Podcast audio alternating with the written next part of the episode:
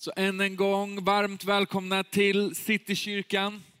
Välkommen till dig som är här varje vecka. Kul att se dig igen. Välkommen till dig som är på besök. Eh, kul att du tittar in och välkommen till dig som letar efter en plats att kalla hem. Vi hoppas att vi kan få vara med och, och bli en sån plats för dig. Jag heter Alfred, för er som inte känner mig. Eh, jag heter Alfred för er som känner mig också.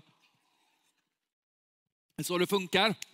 Jag är en av pastorerna här eh, och jag har den stora förmånen att få avsluta en serie som vi har befunnit oss i de senaste sju veckorna. Vi har pratat om eh, att vara lika Jesus, att vara ett folk som är lika Jesus och vi har gjort det utifrån de sju värderingar som, som vi tänker är det vi försöker bygga tillsammans som församling. Och idag så ska vi knyta ihop det och vi gör det genom att prata om den sista värderingen som är betjänande ledarskap.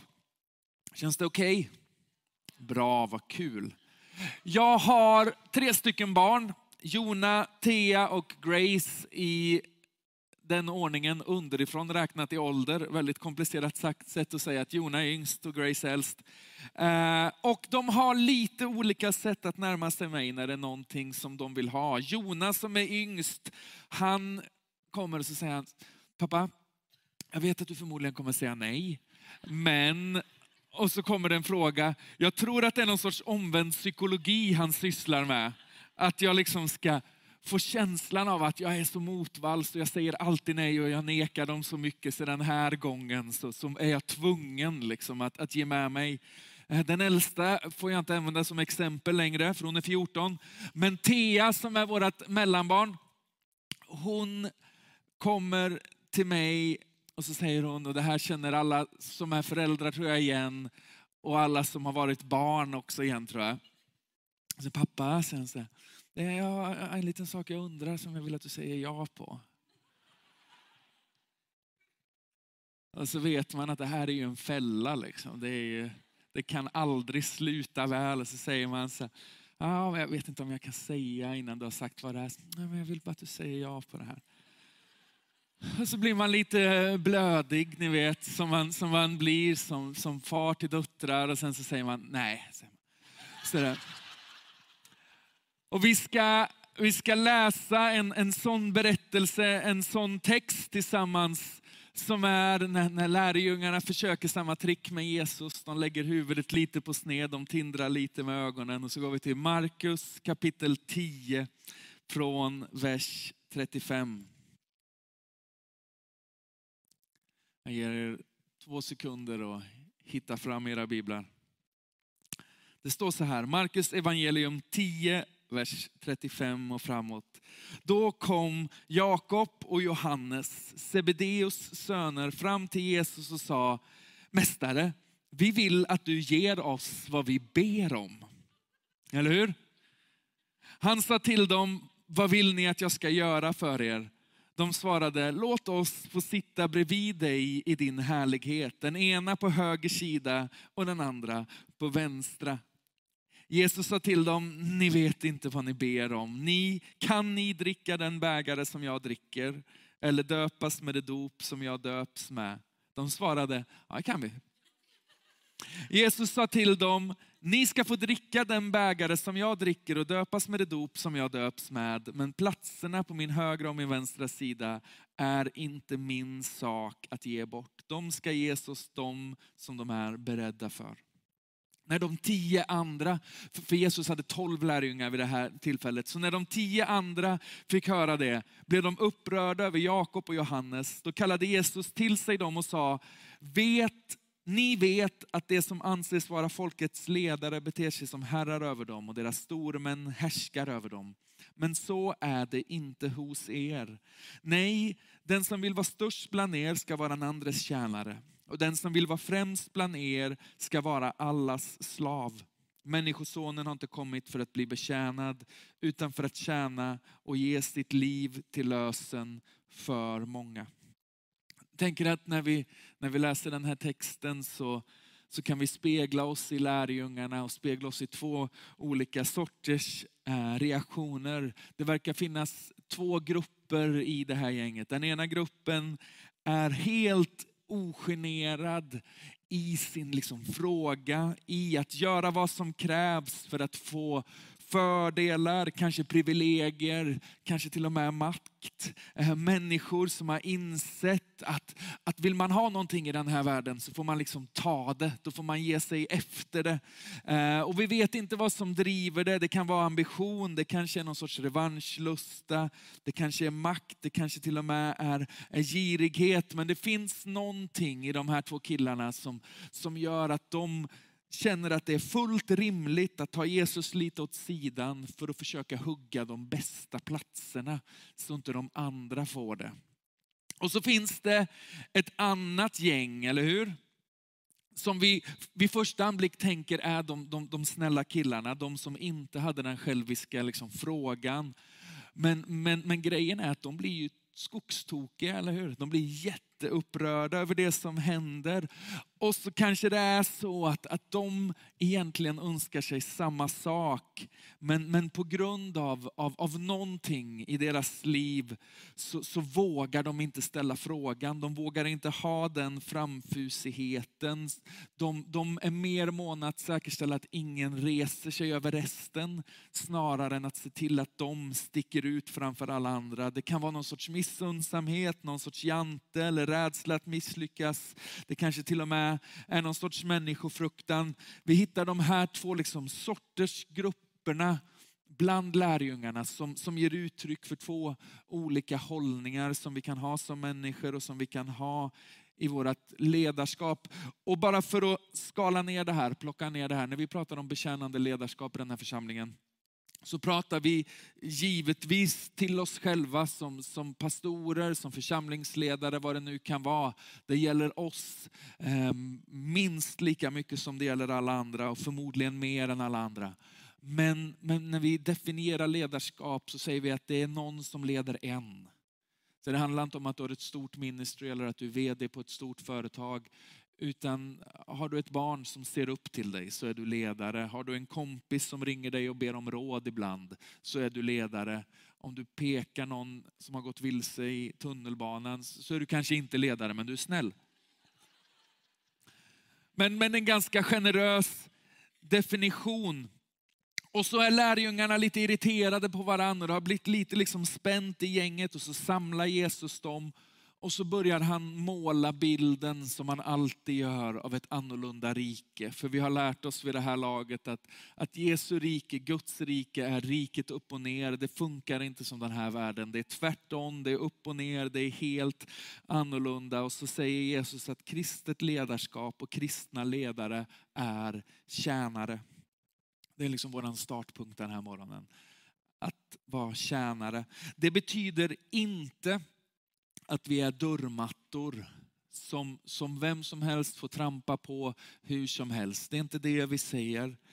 Eh, utan snarare så handlar det om, om någonting av våra hjärtats inställning när vi gör vad det nu är vi gör, eller hur? Var, varför är en mycket intressantare fråga än vad när vi pratar om tjänande ledarskap.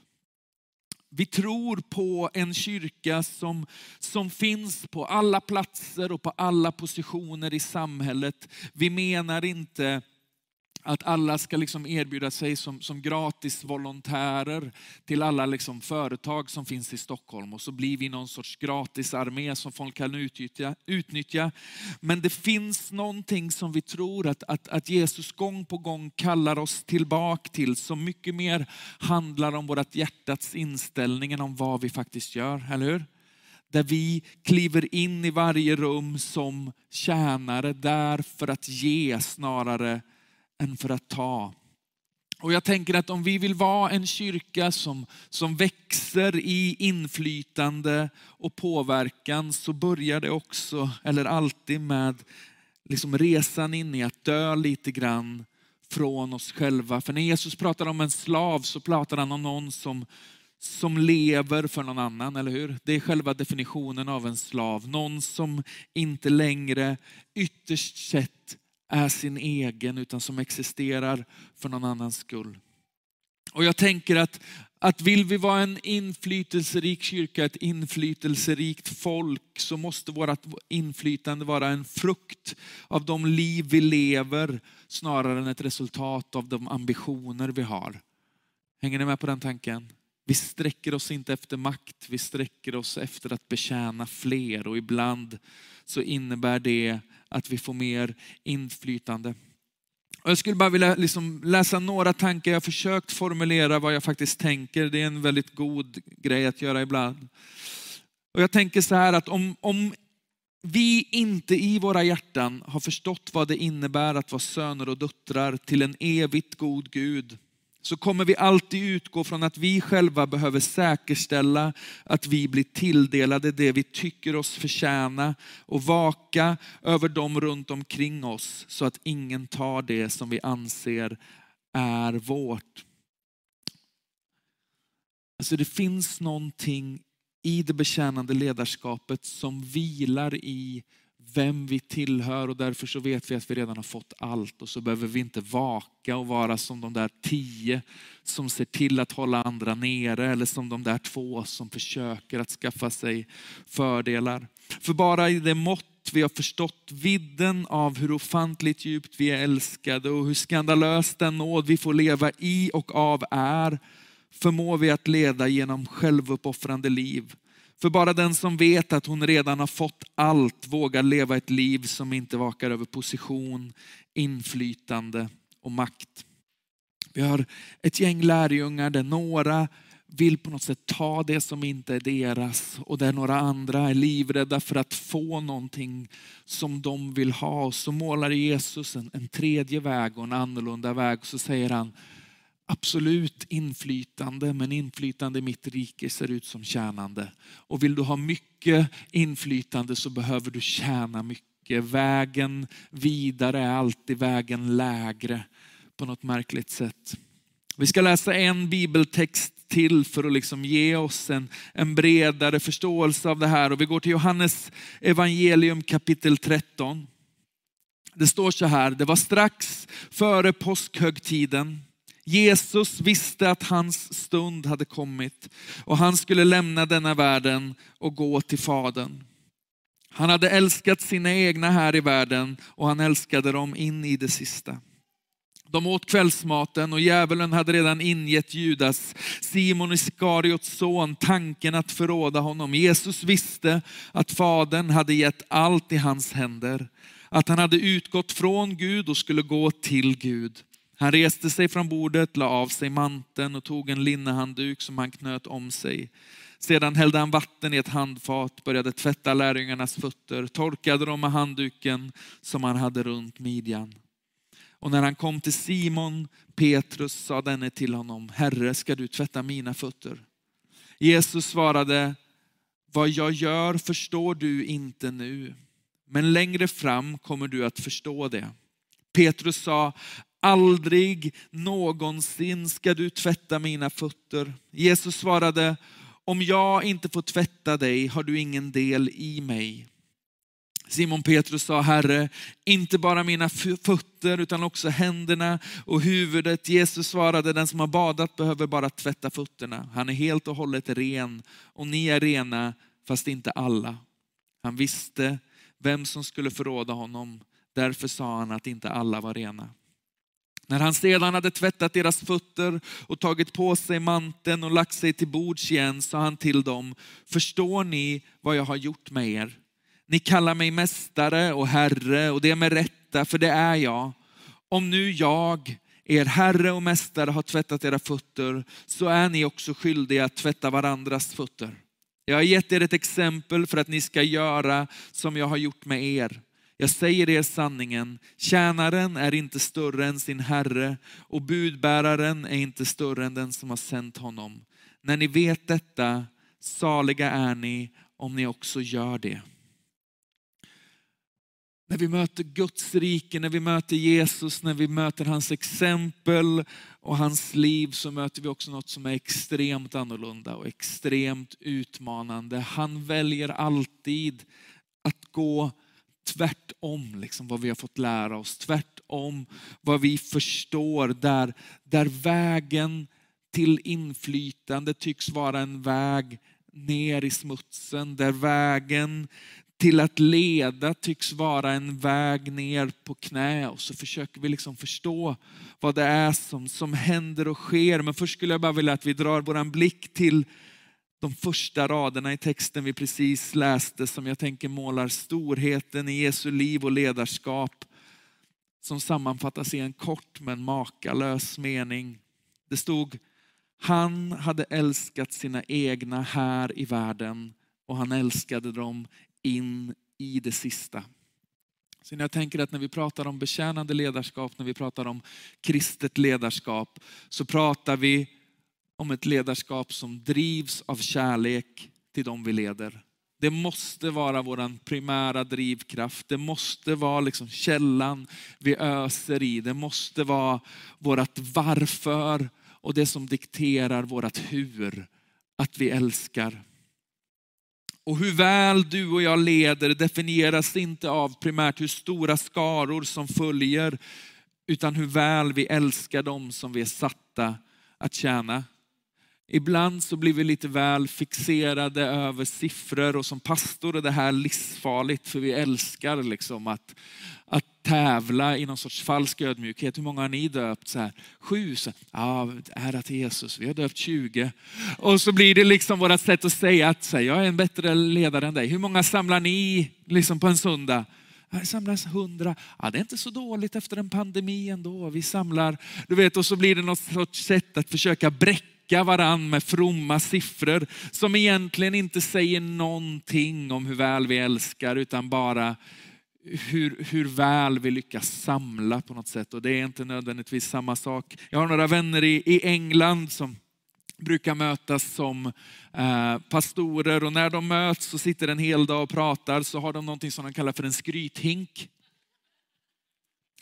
Så varje någon varje gång som någon skryter över förträffligheten i sitt ministry, liksom i sin församling, i det man gör, så, så ropar någon skryt och så måste man lägga en, en pund i hinken. Som någon sorts sätt liksom att, att, att se till att, att inte jämföra oss med siffror, för de berättar inte hur väl vi älskar. De säger inte så mycket om, om hur folket vi leder mår. De säger inte så mycket om, om hur vi rör oss och för oss med varandra och utanför kyrkans väggar. De säger bara att vi är få eller många, eller hur? Så man har en skrythink. Liksom. Jag tror att många kristna sammanhang skulle må gott av en skrythink där man skulle kunna göra mycket för de pengarna. Skulle kunna göra väldigt mycket för de pengarna. Jag skulle få byta till en äldre bil eller någonting. För jag har en fallenhet för det där. Men, men Jesus säger att han har älskat sina egna här i världen och han älskade dem in i det sista. Och när vi pratar om, om betjänande ledarskap, när vi pratar om att vara, vara en slav, när vi pratar om att tvätta fötter, så tänker jag att det är så superutmanande texter och lite farliga texter. För, för vår tillämpning av dem styrs väldigt mycket av vår självbild och vår gudsbild. Fel förstått så blir tvättandet av fötter, och för övrigt så menar jag inte att det är liksom är vi har förbönen på liksom ena sidan och vi har fottvätten på andra sidan. För dig som inte är van vid det här språket och tänker att det var märkligt att vi ska tvätta fötter, så är det liksom eh, mer liksom den, den, symboliska handlingen av att betjäna någon annan och eh, att ta i det där som är det smutsiga i någons liv, eller hur?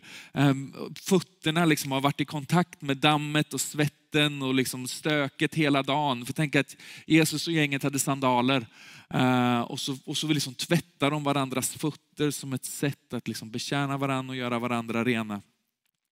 Men fel förstått så blir tvättandet av fötter en sorts självförödmjukelse, där jag genom att utföra en, en kulturellt smutsig och underkastande handling på något sätt visar mig värdig för att försöka förtjäna rätten att leda.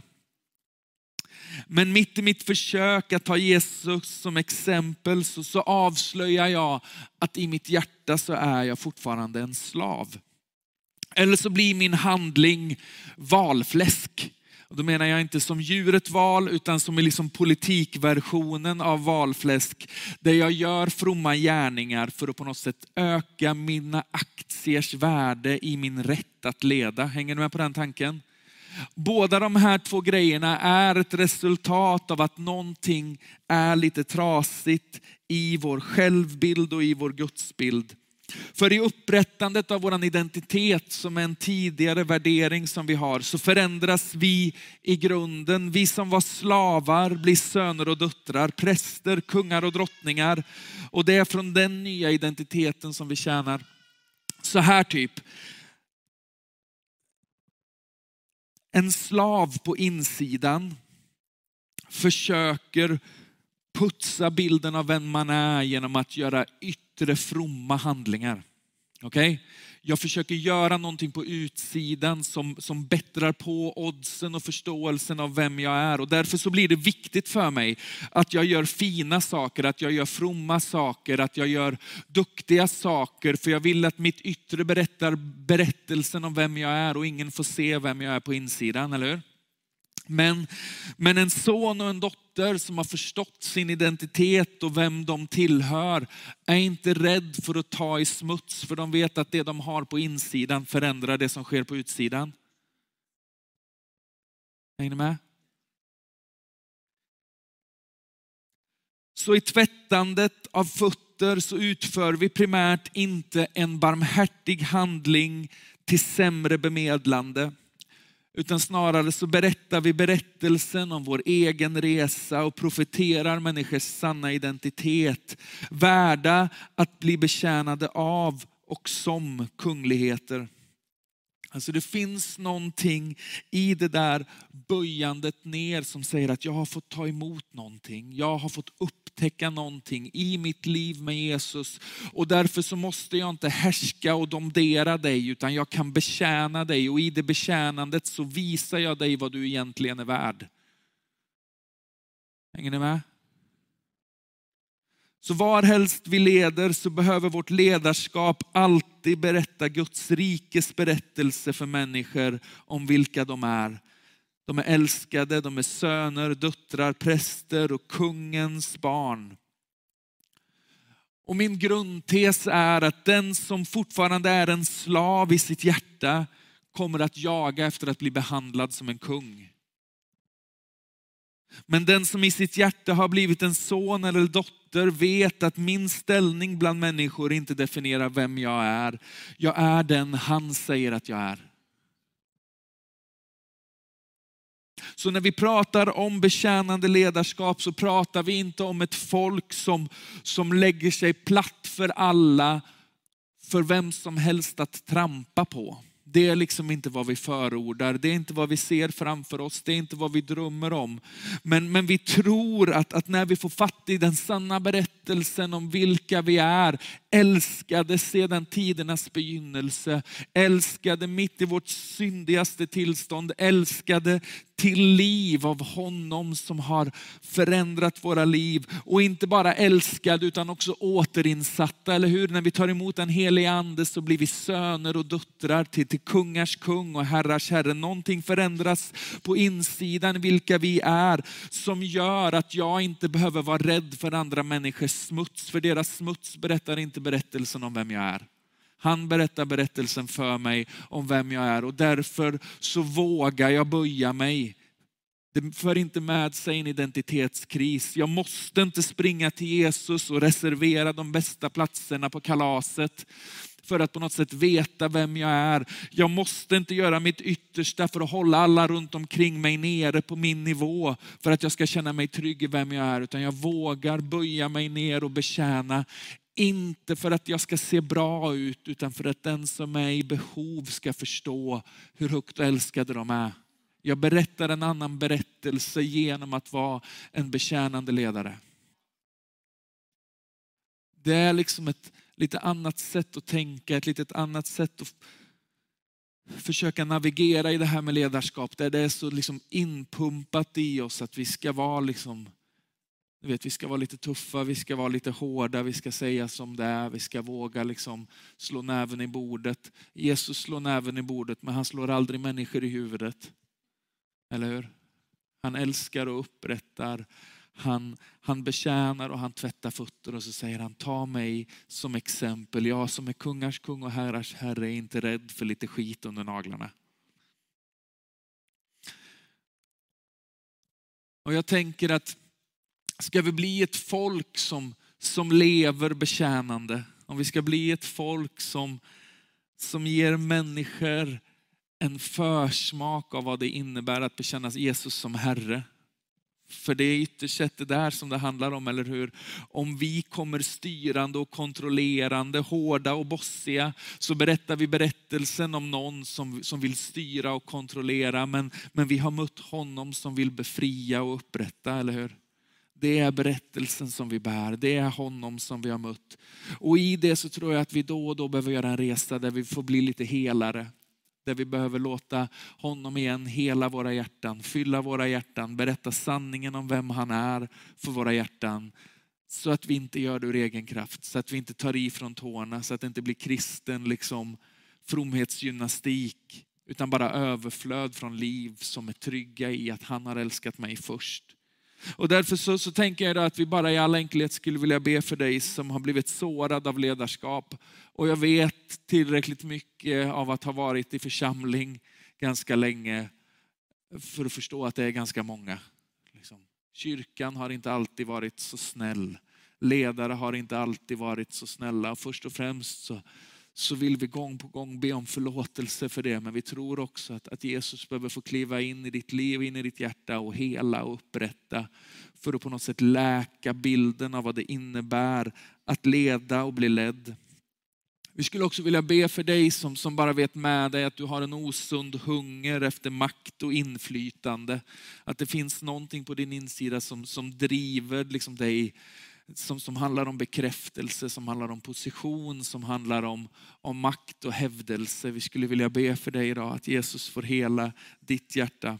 Och vi skulle vilja be för dig som, som har blivit passiv och som har dratt dig bort från ledarskap för att det är någonting på insidan som gör att, att det känns för, för tufft, för hårt, för smärtsamt, för, för, för läskigt. Vi skulle vilja be att Jesus får, får hela ditt hjärta. För när vi pratar om, om ledarskap så handlar det återigen inte om att vi försöker liksom ragga människor till något volontärsteam eller att vi har ont om mötesvärdar eller, eller att vi skulle önska att någon liksom bar upp talarstolen så vi slapp göra det själva eller något. Det är inte det som det handlar om. Det har aldrig handlat om att bygga något stort och fint här utan att representera honom väl där. Eller hur? Att vara ett folk som kliver ut ur de här dörrarna söndag efter söndag, vecka efter vecka och älskar människor ett steg närmre Faderns hjärta, ett steg närmre hans rike, ett steg närmre den här punkten där människor får säga Jesus, jag behöver dig som Herre i mitt liv. För jag har smakat någonting av hur det ser ut när ditt folk går fram. Och det är aldrig härskande och styrande utan alltid betjänande, och Kristus likt. Make sense? Ska vi ställa oss upp tillsammans?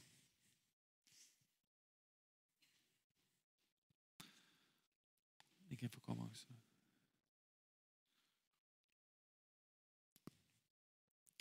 Vi ska be en kort bön nu och sen kommer Judit komma och, och göra ett par inbjudningar till, till förbön. Men, men jag tror idag på riktigt att, att Gud vill komma och, och liksom hela oss och upprätta oss för ledarskap.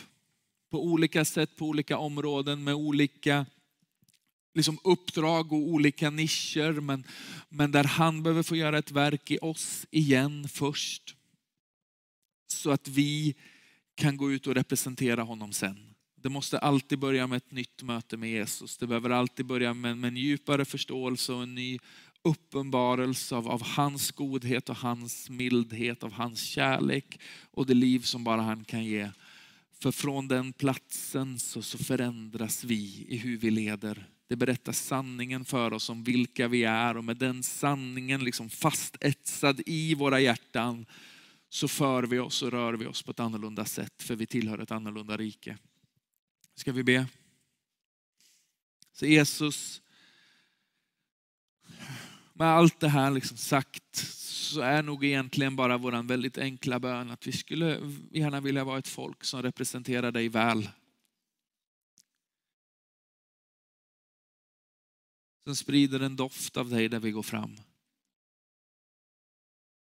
Som för oss och rör oss och leder på ett sådant sätt att,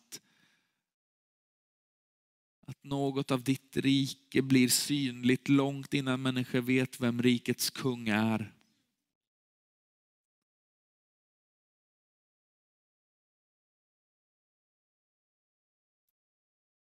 Jesus, vi ber att du skulle ge oss mod att betjäna.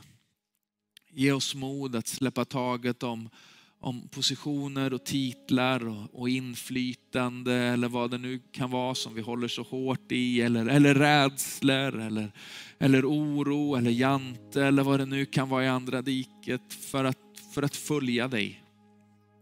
Med allt vad det innebär.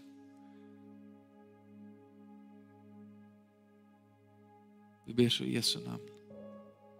Amen.